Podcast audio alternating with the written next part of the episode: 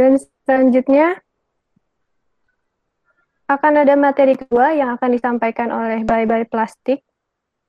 Sebelum komunitas Bye Bye Plastik menyampaikan materinya, saya mempersilahkan Kak Farhan untuk menyampaikan informasi terkait materi kedua. Uh, terima kasih kepada moderator. Assalamualaikum warahmatullahi wabarakatuh.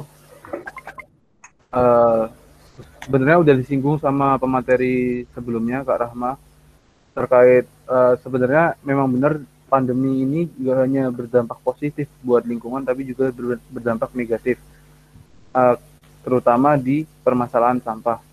Karena uh, berdasarkan di Amerika sendiri semenjak diberlakukannya bekerja dan belajar dari rumah terjadi peningkatan volume sampah uh, hampir empat, empat kali lipat dari volume biasanya. Uh, sementara di Jakarta juga terjadi peningkatan jumlah sampah masker dan sarung tangan sekali pakai di tengah pandemi ini. Uh, jadi hal ini menjadi sebuah permasalahan karena uh, kita udah lama terkait di lockdown ataupun PSBB sehingga produksi sampah juga mengalami peningkatan.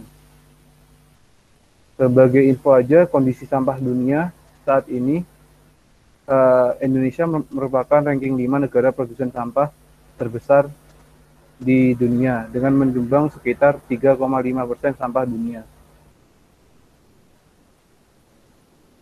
Uh, atau menghasilkan sekitar 64 juta ton per tahunnya. Uh, dari kesemuan ke semua sampah tersebut uh, hanya 16% sampah dunia atau setara dengan 323 juta kg didaur ulang. Sementara sisa lainnya sekitar 46% persen atau setara 950 juta dibuang secara tidak berkelanjutan. 8 juta ton plastik juga berakhir di laut, yang mana hal ini juga akan uh, menjadi permasalahan sendiri untuk kelestarian ekosistem laut. Uh, selain itu permasalahan sampah juga tidak hanya berdampak ke kelautan, tapi juga untuk uh, global warming sendiri. Karena satu ons polyethylene yang diproduksi atau polyethylene itu buat uh, buat bayangin adalah bahan plastik untuk membuat botol kemasan plastik. Itu setara dengan satu ons CO2 jadi kita ketika kita menghasilkan satu ons polyethylene atau PET sama dengan satu ons CO2 emisi dari produksi plastik dan pembakaran plastik mencapai 56 gigaton diperkirakan hingga tahun 2050 atau setara dengan 50 kali emisi, emisi karbon pembangkit listrik tenaga batu bara di Amerika Serikat. Uh, plastik itu juga menyebabkan seperti uh, kerugian untuk terhadap hewan laut itu sendiri. Sekitar 22% lumba-lumba dan paus ditemukan memakan plastik. 100% sampah plastik ditemukan di habitat penyu yang diteliti oleh ilmuwan. 90% burung laut ditemukan plastik di dalam perutnya. Satu dari tiga ikan laut juga terpapar oleh plastik. Sampah dunia dalam hal ini tidak hanya sampah plastik saja, tapi dengan sampah-sampah lainnya juga menyumbang sekitar 5% emisi global tahun 2016 atau setara 1,6 miliar metrik ton CO2 yaitu 47 persen dari emisi tersebut disumbangkan oleh limbah, limbah makanan. Oleh karena itu, sampah, masalah sampah ini menjadi masalah urgen, urgent yang harus di, mendapat perhatian khusus. Sebenarnya sudah banyak yang dilakukan oleh uh, masyarakat itu sendiri untuk mengurangi produksi sampah. Nah, mungkin untuk lebih lengkapnya, saya kembalikan lagi ke pemateri dan Sekian dari saya. Terima kasih. Saya kembalikan lagi ke moderator. Baiklah, terima kasih kepada Kak Farhan. Selanjutnya, akan ada materi kedua yang disampaikan oleh komunitas Playback Plastik. Disampaikan oleh tiga orang narasumber. Yang pertama, disampaikan oleh Gabriela Johanna Dita Saragih, lahir di Jakarta pada tanggal 24 Maret tahun 2000. Materi kedua, oleh Abdul Salam Rumalean, lahir di Tidore pada tanggal 12 Maret tahun 1998. Dan pemateri ketiga akan disampaikan oleh Eka Yunita Herawati, lahir di Bengkulu pada tanggal 2 Juni 1998. Kepada para narasumber, saya persilahkan. Oke, terima kasih untuk kesempatannya. Uh, Assalamualaikum warahmatullahi wabarakatuh. Waalaikumsalam warahmatullahi wabarakatuh. Oke, uh, semoga teman-teman di rumah masing-masing sehat dalam keadaan yang sehat. Uh, kami dari tim Bebe Plastik, uh, Bebe Plastik Malang mengucapkan terima kasih untuk BEM FPUB udah mengundang kami untuk menjadi pembicara pada event kali ini. Uh, kami di sini ada bertiga teman-teman. Kita dari dari tim Bebe Plastik Bags Malang bertiga. Mungkin bisa perkenalkan dulu kali ya. Uh, dan aku Gabriela Johanna biasa dipanggil Gaby. Um, aku Abdul Salam Rumalian, um, biasa dipanggil Lean. Um, perkenalkan, nama saya Kainita Herawati, bisa dipanggil Eka. Oke, sekian perkenalan dari kami. Uh, kami di sini uh, diminta oleh BEM Fakultas Pertanian untuk uh, memberikan materi tentang ancaman plastik sekali pakai bagi lingkungan hidup. Oke, okay, next slide. Oke, okay. uh, eh, pasti teman-teman udah nggak udah nggak asing dong sama sampah plastik itu apa, dan pasti teman-teman juga sering banget menggunakan sampah plastik. Nah, sampah plastik itu merupakan suatu kemasan dari makanan maupun minuman, uh, baik juga dalam bentuk kantong plastik, sedotan plastik, dan lain-lainnya. Nah, biasanya juga banyak banget media-media atau artikel-artikel yang bilang kalau sampah plastik itu sulit banget teman-teman buat terurai, bahkan uh, di daratan maupun di, da di lautan. Nah, sampah plastik ini biasanya terurai itu butuh waktu yang lama, bisa sekitar puluhan tahun, bahkan sampai ratusan tahun. Nah, ini juga belum tentu terurai dengan sempurna, bisa jadi dalam bentuk serpihan kecil atau biasa disebut mikroplastik. Nah, kira-kira siapa sih nih pemasok sampah plastik terbanyak di dunia? Nah, kebetulan uh, dari artikel eh dari artikel atau riset dari Genome Jambak dari Georgia pada tahun 2015 itu Indonesia merupakan uh, peringkat kedua pemasok sampah plastik terbanyak di dunia. Bahkan per tahunnya Indonesia itu menghasilkan 187,2 juta ton sampah plastik, kemudian 3,22 juta ton itu sampah plastik itu terbuang ke laut. Nah, tapi prestasi ini bukanlah prestasi yang baik buat Indonesia, namun prestasi yang buruk. Oke, okay, next slide. Oke, okay, kita bisa tahu jejak-jejak sampah di bumi itu apa aja. Bisa uh, botol plastik, kantong plastik, sedotan plastik, kaleng minuman, uh, bisa juga gelas kopi, dan lain-lainnya. Nah, dari di layar ini kita bisa lihat botol plastik itu butuh waktu 450 tahun untuk terurai, popok itu 450 tahun, kemudian kaleng itu 200 tahun, gelas kopi 50 tahun, sedotan itu 200 tahun, plastik bir itu 450 tahun, dan benang pancingan ikan 600 tahun. Di sini bisa kita lihat bahwa butuh ratusan tahun untuk bisa terurainya sampah-sampah yang ada. Nah, pernah juga Bank Dunia mengeluarkan artikel yang berjudul Hotspot Sampah Laut Indonesia tahun 2018 yang bilang kalau Indonesia ini memiliki kawasan pesisir luas dan menghasilkan 3,22 juta ton yang tidak terkelola dengan baik sampahnya. Nah, dari jumlah ini ada kebocoran, teman-teman. Kebocorannya itu kisaran 0,48 sampai 1,29 sampah plastik yang terbuang ke laut. Next. Nah, di sini aku cantumin uh, hanya empat artikel atau empat kasus yang dari sekian banyaknya eh, artikel-artikel uh, yang dimuat oleh media di luar sana. Jadi di sini pertama ada tentang aktivitas pemulung bantar gerbang. Jadi pemulung ini uh, untuk mencari nafkah dan demi mendapatkan pekerjaan mereka membela-belain untuk bisa menjadi pemulung untuk bisa uh, menangani sampah yang ada. Kemudian Indonesia menjadi lima negara penghasil limbah plastik. Yang ketiga adanya sampah masker, limbah medis, sarung tangan itu merusak ekosistem laut. Dan yang terakhir kenapa sih Indonesia impor sampah? Nah, kalau untuk bahas artikel yang terakhir ini, kenapa sih Indonesia itu impor sampah? Nah, jadi aku pernah nih uh, baca artikel tentang ini. Jadi Indonesia itu impor sampah dari luar negeri. Kenapa sih mereka itu impor sampah dari luar negeri? Karena uh, dari UMKM atau perusahaan-perusahaan pabrik manufaktur di Indonesia, mereka butuh bahan-bahan plastik untuk memproduksi suatu barang jadi seperti meja plastik, kursi plastik dan lain-lainnya. Nah, kenapa mereka nggak pakai plastik-plastik yang ada di Indonesia di dalam negeri? Nah, itu karena banyak sampah plastik yang uh, yang ada di Indonesia itu buang dibuang ke lautan dan bahkan di, tidak dipilah-pilih oleh pemerintah dengan baik. Jadi justru di sini butuhnya sistem pemilahan yang baik, mana yang organik, anorganik, dan B3. Nah, dari empat artikel ini juga ngebukti nih teman-teman kalau Indonesia itu pemerintahnya belum memiliki kesadaran yang tinggi maupun masyarakatnya juga belum memiliki kesadaran tinggi terhadap meminimalisir sampah plastik. Next slide. Nah, di sini ada fakta-fakta tentang sampah plastik. Dari sekian banyaknya jumlah sampah plastik, 60 sampai 70 persennya itu ada di TPA, 17 persennya itu ada di kota besar seperti kota Jakarta, 10 sampai 15 persen itu sampah yang didaur ulang, 15 sampai 30 persen itu terbuang atau tercemar di sungai, danau, daratan, pantai, dan laut.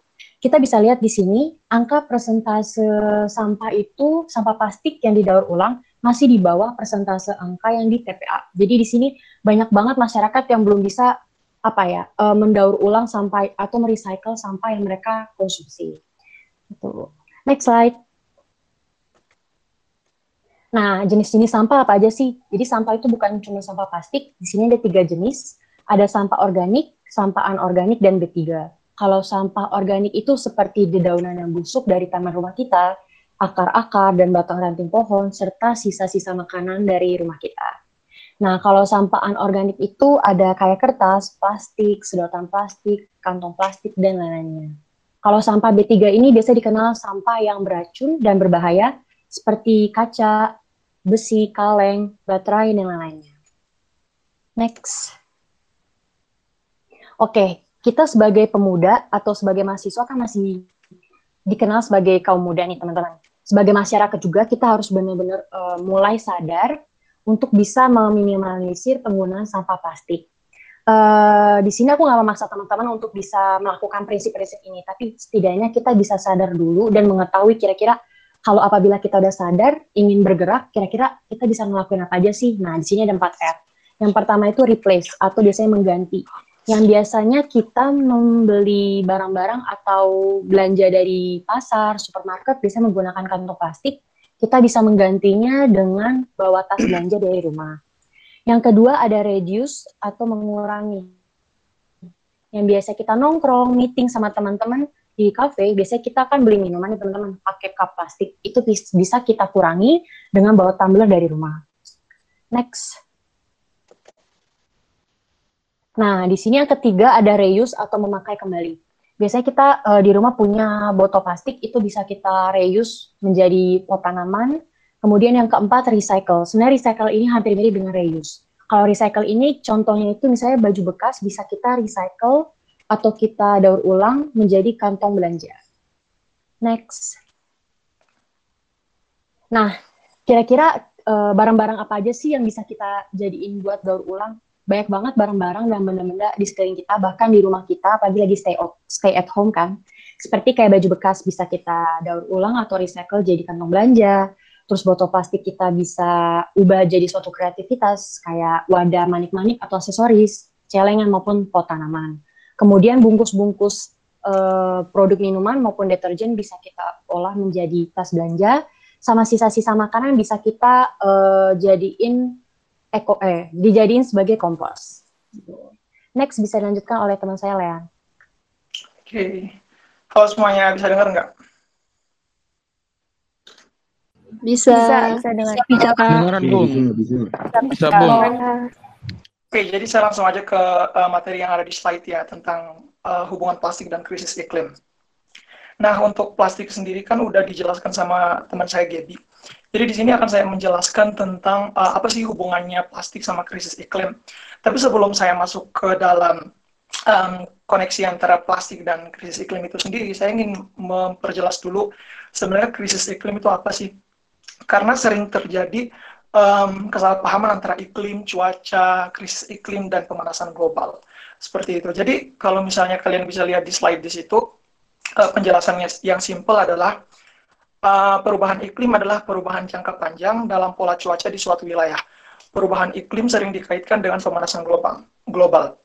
Jadi kalau cuaca itu biasa yang terjadi dalam jangka waktu pendek. Sedangkan iklim itu yang uh, akumulasi dari uh, perubahan cuaca yang terjadi dalam jangka waktu yang lebih panjang. Sedangkan kalau pemanasan global itu adalah uh, fokus terhadap uh, meningkatnya suhu bumi seperti itu. Jadi itu perbedaan antara iklim dan pemanasan global. Ya next slide.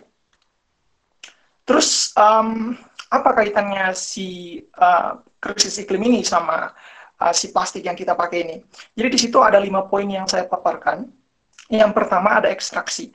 Nah, sebelum saya menjelaskan kenapa eh, apa hubungannya plastik sama krisis iklim, saya ingin kalian paham dulu tentang proses pembuatan plastik itu sendiri. Nah, pertama ada ekstraksi. Jadi ekstraksi ini bahasa kerennya doang. Bahasa bahasa simpelnya itu seperti um, penggalian minyak seperti itu. Jadi bahan dasar plastik itu terbuat dari minyak bumi seperti itu. Jadi ekstraksi ini adalah proses penggalian uh, minyak bumi yang biasa terjadi di kalau ada yang pernah baca-baca di tengah laut biasanya yang terjadi seperti itu. Nah, uh, dan uh, dalam proses ekstraksi ini itu melibatkan banyak energi seperti itu, yang mana mengeluarkan emisi uh, gas rumah kaca ke permukaan. Terus setelah proses ekstraksi itu ada transportasi dan produksi nafta. Nah, uh, minyak bumi yang masih di tengah laut itu biasanya untuk dicet, dibuat menjadi nafta itu harus diangkut dari laut ke daratan. Uh, proses pengangkutan ini biasa menggunakan kapal laut atau juga bisa menggunakan pipa laut seperti itu. Nah, dalam proses pengangkutan melalui pipa laut uh, dan kapal laut ini biasa uh, meninggalkan bekas-bekas atau minyak biasanya tumpah di lautan. Nah, dari proses pengangkutan ini sendiri uh, proses pembuatan plastik itu sudah menyumbangkan pencemaran lingkungan di laut khususnya seperti itu. Terus apa sih nafta ini? Nah, setelah dari minyak bumi yang murni ini, plastik akan diolah menjadi beberapa jenis seperti gas, uh, bensin, dan salah satunya adalah nafta. Nah, nafta ini adalah jenis uh, olahan minyak bumi yang menjadi bahan dasar plastik. Seperti itu. Nah, terus setelah dari nafta, itu akan uh, dibuat menjadi pelet plastik atau bahasa kerennya noodles. Seperti itu. Nah, kalau misalnya kalian tahu bahwa nafta da, plastik daftar dari pembuatan plastik atau pelet plastik di Indonesia itu kita masih impor. Um, jadi dari data yang saya ambil di sini perusahaan yang biasa membuat uh, merubah nafta nafta menjadi uh, apa namanya noodles atau pelet plastik itu adalah perusahaan PT Chandra Astri Petrochemical. Nah, uh, perusahaan ini mengimpor uh, nafta dari India, Thailand dan China seperti itu. Jadi bahkan kita masih mengimpor seperti itu. Terus setelah dari noodles ini baru pencetakan plastik. Bisa kalian lihat di gambar yang atas seperti botol. Nah, itu adalah proses pencetakan plastik yang dari nafta menjadi uh, berbentuk seperti itu. Terus setelah uh, dari pencetakan plastik, nah di sini baru plastik akan uh, disebarkan entah itu ke pabrik, entah itu ke konsumen dan lain-lain seperti itu. Terus apa hubungannya? Next slide. Apa hubungannya atau apa kaitannya uh, si pembuatan plastik ini sama um, krisis iklim. Nah, dalam sebuah laporan Plastic and Climate uh, The Hidden Cost of Plastic Planet yang dirilis oleh Center International Environmental Law, sebuah organisasi nirbala menyebutkan bahwa jumlah emisi karbon yang dihasilkan dari siklus produksi hingga pembuangan plastik terus meningkat hingga mencapai 2,8 juta metrik ton CO2 atau karbon dioksida. Jadi dari awal uh, penggalian uh, minyak bumi sampai plastik itu jadi, itu plastik menyumbang sekitar 2,8 juta metrik ton CO2 atau karbon dioksida. Itu bukan angka yang kecil seperti itu. Nah, setelah plastik ini uh, menyumbangkan begitu banyak emisi, uh, emisi gas rumah kaca ke permukaan bumi, ke udara, uh, setelah digunakan plastiknya ke mana sih? Nah, jadi banyak yang nggak tahu kalau misalnya plastik itu uh, setelah kamu pakai, kamu buang itu ke mana.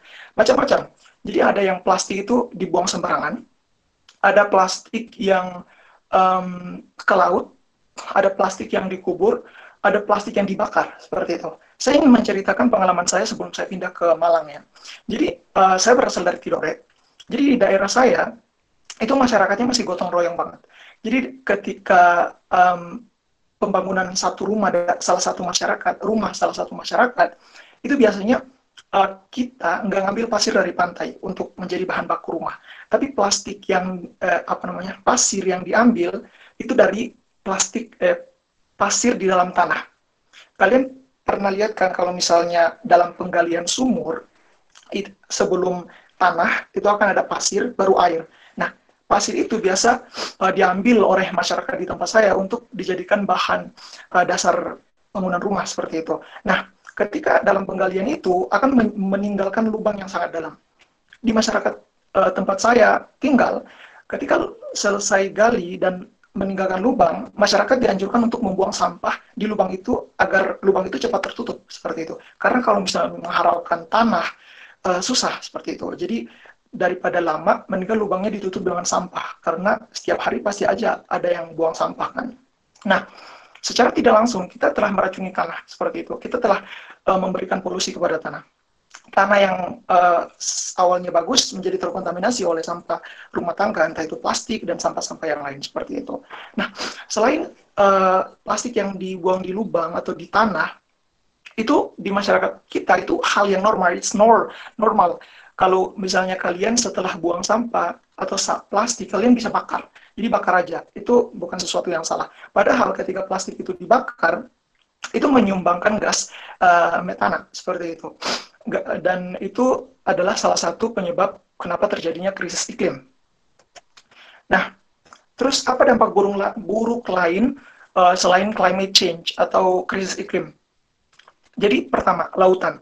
Kalau misalnya teman-teman udah pernah lihat yang sering terjadi, yang viral-viral biasanya di Instagram atau di sosial media yang lainnya, laut biasa tercemari. Biasanya ada paus uh, yang terdampar dan isinya plastik. Atau pernah kalian juga lihat kura-kura yang hidungnya tersangkut sedotan plastik terus ditarik. Uh, terus kemarin bukan hanya di Filipina bukan hanya di Amerika atau di tempat-tempat lain di Indonesia pun terjadi hal yang sama.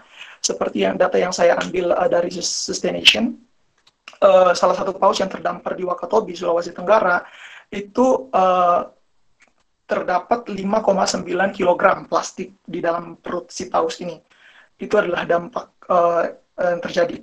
Terus dari WWF itu juga memaparkan data bahwa um, seabirds itu mati dalam setahun bisa mencapai angka satu juta disebabkan oleh plastik. Karena apa? Dia makan plastik seperti itu.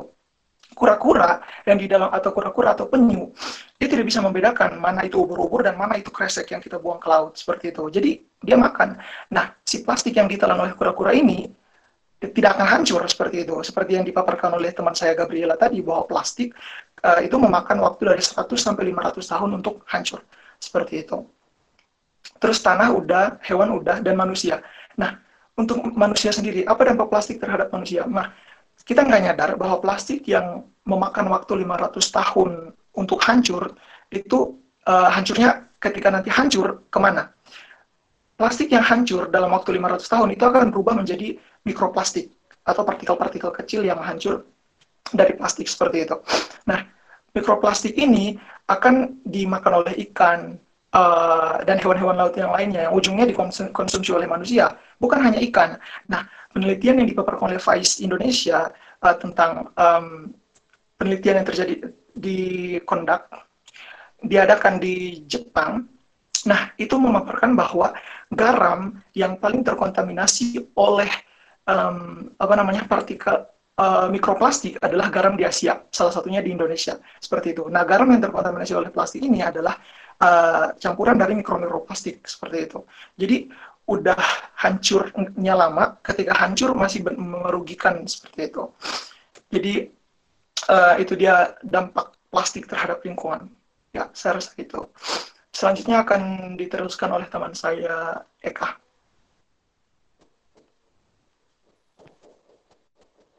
Um, apakah sudah jelas suara saya? Sudah. Sudah, Kak. Ya, Kak. Sudah, Kak. Sudah, Kak.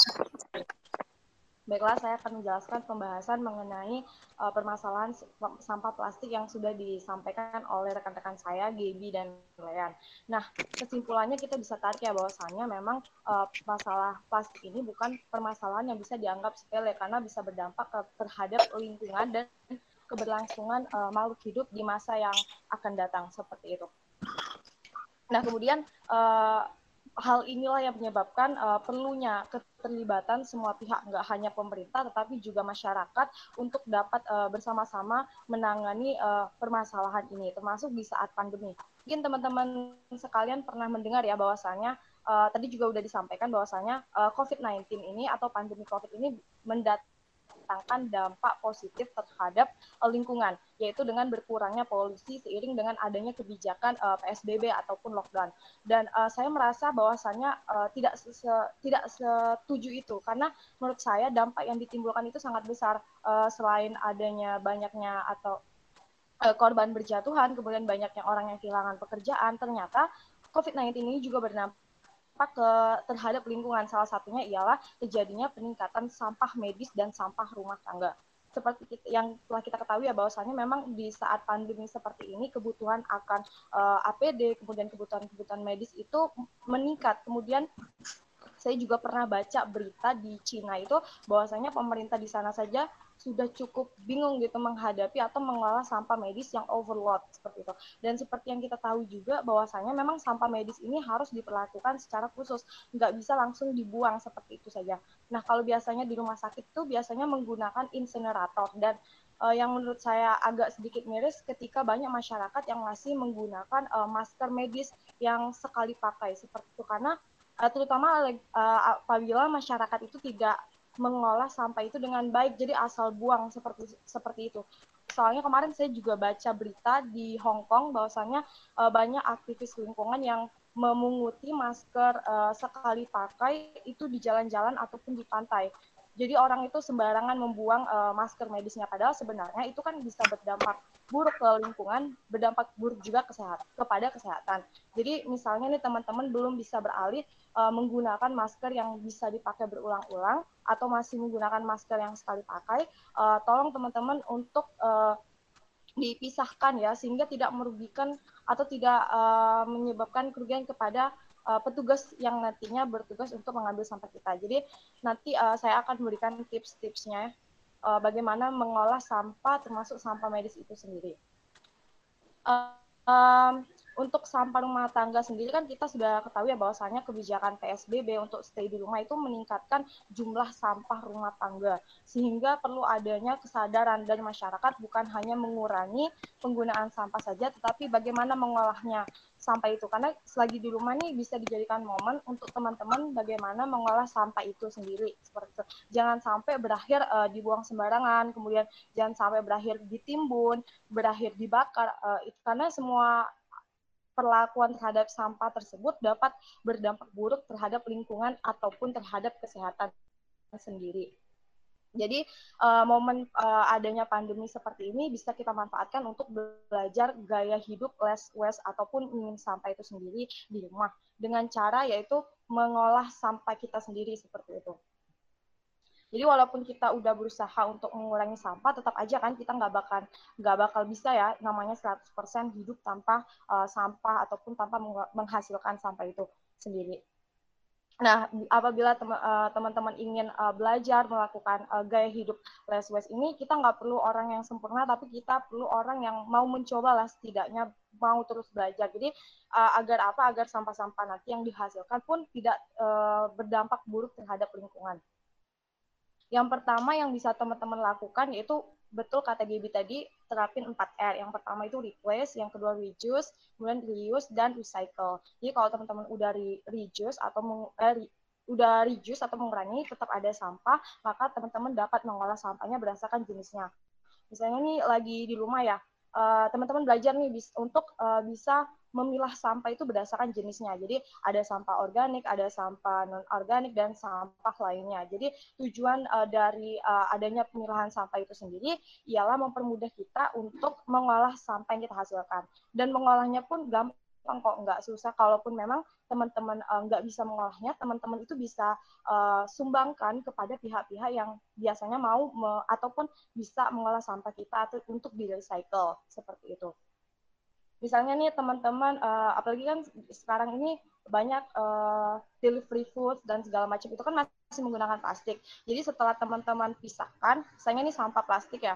Sampah plastik ini bisa teman-teman jadikan uh, eco brick. Jadi eco brick itu semacam pengganti uh, batu bata. Jadi terbuat dari botol plastik yang kemudian diisi oleh misalnya sampah kresek, kemudian sampah kantong plastik ataupun sampah kemasan lainnya yang sebelumnya teman-teman bersihkan terlebih dahulu dari sisa-sisa makanan, kemudian dikeringkan, dipotong-potong dan ditenat-tenat seperti itu sehingga nanti uh, padat bisa juga uh, teman-teman gunakan untuk membuat kursi, membuat kerajinan yang yang lainnya sehingga sampah itu uh, nggak berakhir di TPA, terlalu banyak di TPA seperti itu.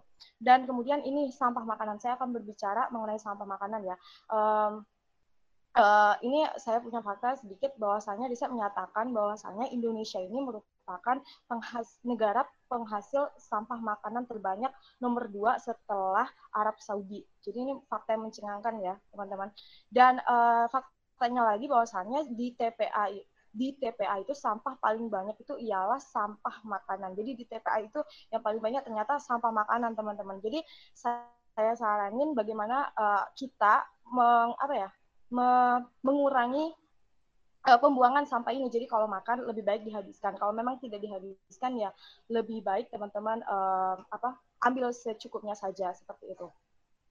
Nah, untuk misalnya sampah makanan ini, misalnya kalau uh, sisa kulit buah atau sisa sayuran, sisa kulit buah itu bisa dibuat ekoenzim kemudian sisa-sisa sayuran itu bisa teman manfaatin lagi untuk jadi veggie stock.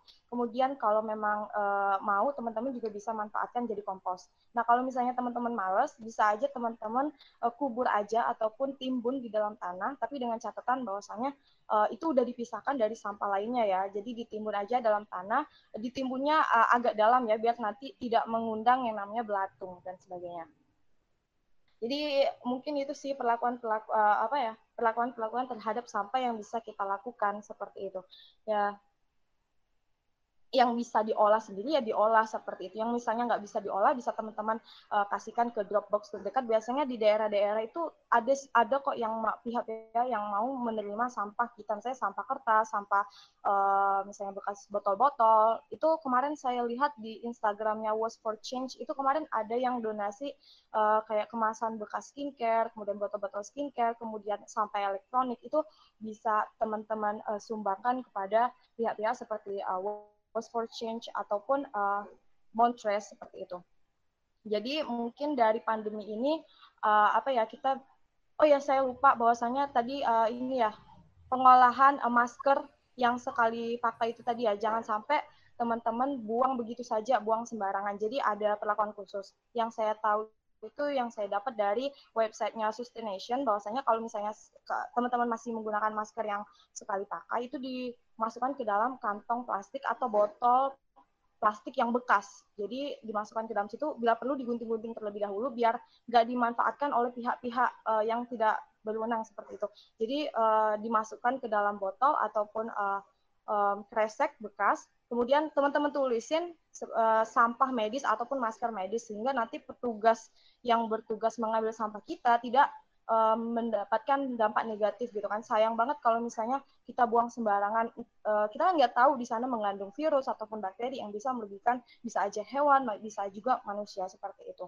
Tapi yang paling penting ialah bagaimana kita menerapkan gaya hidup less waste yaitu kita mengganti segala sesuatu yang tadinya sekali buang atau sekali pakai dengan yang bisa dipakai berulang-ulang termasuk penggunaan dari masker kain seperti itu jadi ada pelajaran sih yang bisa kita ambil dari pandemi saat ini ya, bahwasannya kita itu tidak boleh meremehkan uh, segala sesuatu gitu ya, meremeh termasuk dalam um, meremehkan plastik karena bisa aja nih plastik itu menjadi ancaman di masa yang akan datang. Seperti itu seperti perubahan iklim ancaman plastik dan segala macam ini juga bisa berdampak terhadap uh, keberlangsungan makhluk hidup di muka bumi. Seperti itu. Jadi uh, adanya pandemi ini banyak sekali pelajaran yang kita bisa ambil. Salah satunya ialah uh, pelajaran bahwasanya kita tidak boleh meremehkan segala sesuatu termasuk masalah plastik ini harapannya uh, banyak dari teman-teman yang mulai belajar gaya hidup less waste ataupun minim sampah.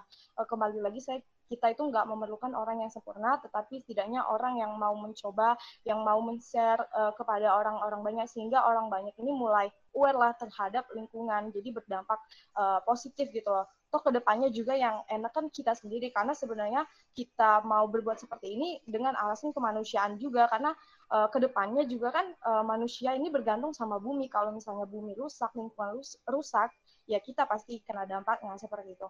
Mungkin itu saja sih yang bisa disampaikan kembali ke moderator.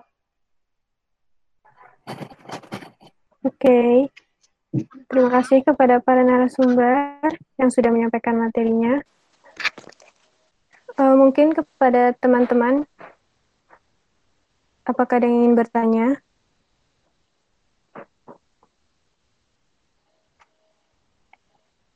Kepada Kariska Anissa Maifinda.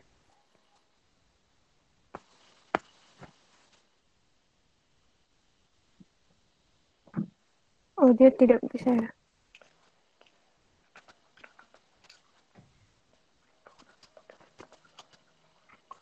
Mungkin kepada uh, para narasumber bisa langsung dijawab pertanyaan dari Kariska Nisa Mevinda.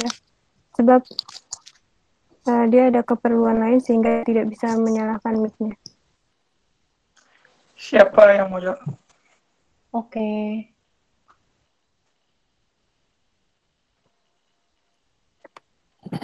aja boleh. Oke. Okay. Uh, eh, dari aku dulu ya. Mungkin nanti kalau bisa ditanya teman-teman boleh. Yeah. Ya. Uh, jadi kan di sini ditanya kalau uh, gimana kalau kita itu menggerakkan banyak masyarakat, terutama teman-teman, untuk mengurangi penggunaan sampah plastik, ter terutama salah satunya memakai senjata stainless atau tumbler. Nah, sebenarnya kalau kita kan di sini uh, sebagai komunitas memang tujuannya untuk merangkul teman-teman dan mengajak teman-teman atau masyarakat untuk bisa bergerak untuk meminimalisir penggunaan sampah. Jadi kalau untuk dari kita sendiri tadi kita seperti sudah menyampaikan materi kalau kita kasih tahu tips-tips daur ulang seperti apa, terus abis itu mulai zero waste kayak gimana gitu. Cuman untuk melakukan apa ya, untuk memberitahuan ke teman-teman sebenarnya teman-teman harus terlebih dahulu sadar sadar dulu dampak lingkungan itu kalau kita pakai plastik itu seperti apa Nah, di situ dengan adanya kalau kita udah peduli dan udah sadar, pasti kita udah punya kesadaran untuk bisa mengurangi sampah plastik itu sih.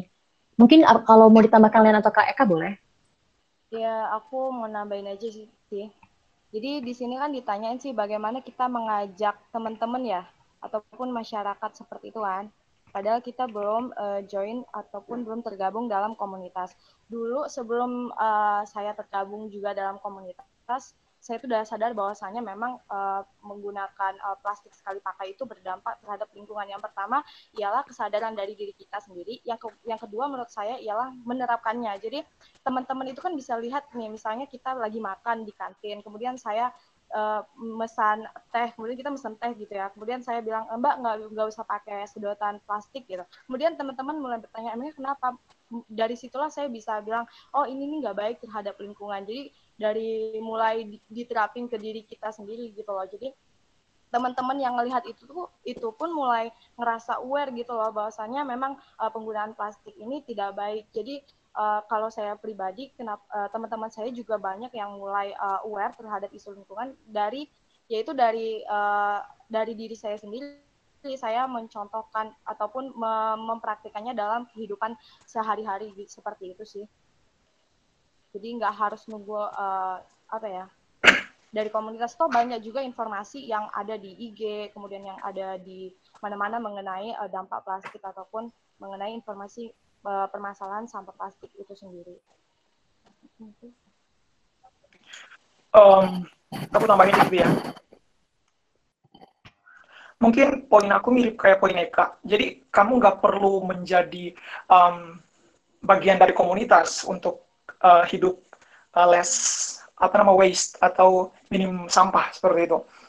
Saya pun sama kayak Kak sebelum saya join ke Bye Bye Plastik, saya udah mulai menerapkan dengan cara pertama e, edukasi diri kamu tentang uh, masalah plastik itu sendiri dan untuk mengedukasi diri kamu, untuk mendidik diri kamu uh, untuk punya pengetahuan tentang sampah itu kamu nggak perlu uh, join dengan komunitas tertentu. I mean, you have internet. Kamu punya internet kan.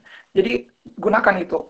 Setelah itu ketika kamu udah punya pengetahuan tentang itu praktekkan seperti itu. Walaupun menurut me, um, berdasarkan pengalaman saya sendiri saya pernah punya teman yang ketika saya uh, bilang oh saya nggak usah nggak perlu pakai sedotan plastik seperti itu. Pasti ada juga yang sewot kayak alah satu doang kok. Ah satu doang kok. Nah secara tidak langsung kita nggak sadar bahwa satu yang hari ini saya gunakan besoknya dua. Satu di sebelah meja saya satu di sebelah meja kanan dan kiri saya dan itu menjadi banyak seperti itu itu yang harus kita sadari sih dan praktekkan edukasi diri kita tentang masalah sampah dan uh, penyebab-penyebabnya apa seperti itu. Itu sih menurut saya. Terima kasih kepada para narasumber. Apakah Kak Rizka ingin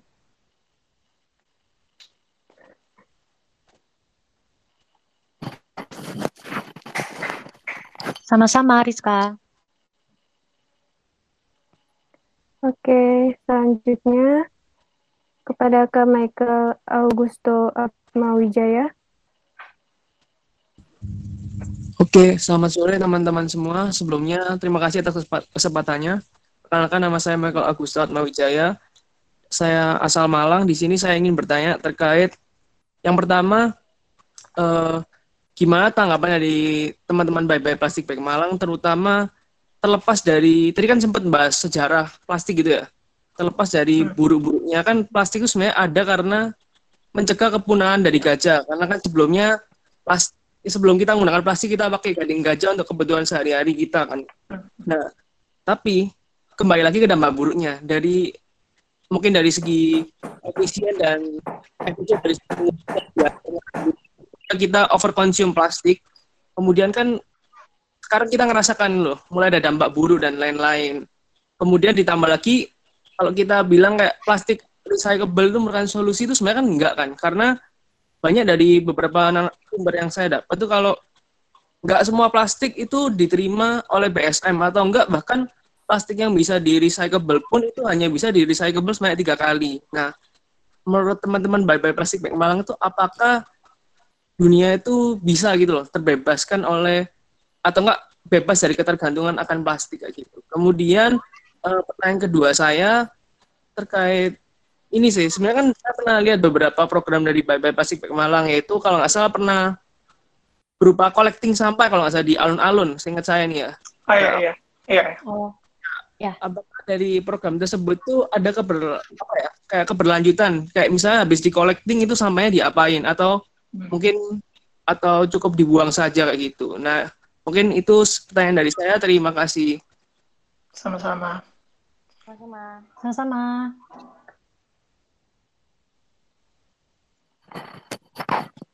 Boleh langsung dijawab Oke, okay, sebentar ya. Um, saya langsung jawab ya. Oke. Okay. Iya. Oke. Okay. Oke. Okay, um, jadi in, di sini oh sorry sorry. Um, jadi ada sekitar tiga pertanyaan. Yang pertama, um, dari seburuk-buruknya plastik ada baiknya juga. Ya, jadi kalau misalnya kita balik ke sejarah plastik itu ada adalah ya salah satunya adalah kita waktu itu menggunakan gading gajah dan kita juga menggunakan kertas yang mana uh, memotong pohon seperti itu. Nah, jadi sebenarnya um, yang dipaparkan oleh teman saya Eka tadi dia menggunakan bukan istilah zero waste tapi less waste. Jadi itu ya kita walaupun dari komunitas plastik sendiri, uh, bawa plastik sendiri mengakui itu susah untuk kita di zaman sekarang lepas 100% dari plastik itu seperti itu. Jadi intinya uh, pertama karena plas uh, Mas tadi membahas tentang baiknya uh, seburuk-buruknya plastik, dia juga hadir untuk menyelamatkan pohon dan gading gajah seperti itu. Jadi intinya yang masalahnya di sini adalah plastik itu uh, disposable atau sekali pakai seperti itu. Jadi untuk teman-teman sekalian, uh, saya harapkan ketika udah mengetahui informasi ini, mulailah untuk memakai atau reuse karena udah terlanjur seperti itu. Kalian udah punya plastik di kamar sekarang misalnya, terus kalian nggak tahu mau harus gimana kan, merasa bersalah, dipakai ulang aja seperti itu, nggak salah kok. Jadi misalnya tapi jangan beli plastik yang baru. Next time pakai tote bag atau tas kain atau yang lain-lain seperti itu. Terus um, uh, apa lagi ya? Jadi itu saya rasa kalau misal misalnya uh, teman-teman udah punya plastik sekarang dan nggak tahu mau dikemanain, dipakai kembali seperti itu. Jadi intinya susah kalau misalnya zero waste. Jadi kita pakai istilah less waste, yang mana kita mengurangi seperti itu. Karena saya sendiri mengakui bahwa ketika dipikir-pikir lagi, emang susah kalau kita uh, benar-benar 100% lepas dari plastik seperti itu. Uh, kita harus uh, being logical ya. Terus selanjutnya recycle. Nah, jadi ada beberapa sampah yang emang nggak bisa di recycle seperti itu. Sebenarnya recycle ini terjadi karena pertama um, sebelum uh, inventednya plastik atau ditemukannya plastik, kita nggak berpikir panjang tentang oh ternyata plastik ini nggak akan hancur atau hancurnya 500 tahun ke depan seperti itu. Makanya setelah kita udah terlanjur memproduksi uh, plastik secara masif, setelah itu kita nggak tahu plastik ini mau dikemanain seperti itu karena nggak hancur-hancur. Nah, diciptakanlah recycle ini walaupun tidak mengsolving 100% masalah, dia bisa uh, setidaknya berapa persen uh, membantu seperti itu uh, proses dari uh, apa namanya uh, pengelolaan sampah plastik ini sendiri. Terus selanjutnya pertanyaan ketiga untuk um, mengut sampah yang kemarin di alun-alun. Nah jadi sebenarnya uh, kegiatan kita yang waktu itu adalah ketika um, saya lupa hari apa waktu itu. Jadi itu bukan pakai plastik doang. Sebenarnya kita banyak dari um, trash hero, trash hero juga ada. Jadi sebenarnya uh, yang mengkoordinator adalah trash hero seperti itu. Jadi trash hero ini yang akan. Jadi sebenarnya waktu itu kita mengut sampah. Setelah kita mengut sampah, kita sama-sama pilah sampahnya. Dan setelah itu kita antar ke bank sampah seperti itu. Jadi Malang sendiri udah ada bank sampah seperti itu. Mungkin kalau ada dari Eka atau Gebi yang ditambahkan silakan. Uh, mungkin aku mau nambahin dari Lean, itu benar banget sih menurut aku kita tuh nggak bisa benar-benar bebas 100% dari plastik.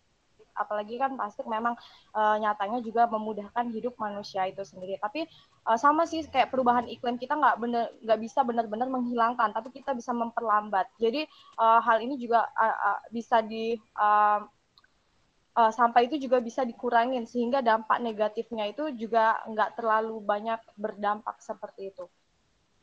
Kemudian um, benar sekali seharusnya kita juga sampah kita itu juga kita olah. Jadi pentingnya adanya kesadaran dari semua pihak, enggak hanya dari pemerintah, tapi masyarakatnya juga. Jadi pemerintah kemudian uh, pihak-pihak lain juga bekerja sama dalam mengurangi penggunaan sampah ini merupakan suatu hal yang sangat tepat dalam mengurangi penggunaan sampah plastik uh, terutama yang sekali pakai. Seperti itu sih mungkin. Mungkin dari Oke. Okay. Aku mau menambahkan tadi sempat disinggung sama Leon tentang bank sampah ya teman-teman.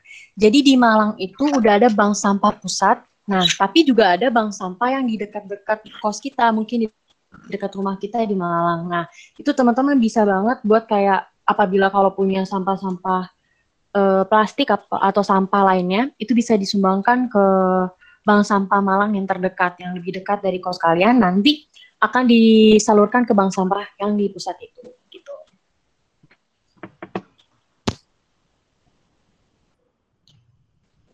Eh, sekian. Bagaimana Kak Michael Augusto Wijaya? Oke, okay, terima kasih teman-teman Badai Plastik Malang. Iya, sama-sama.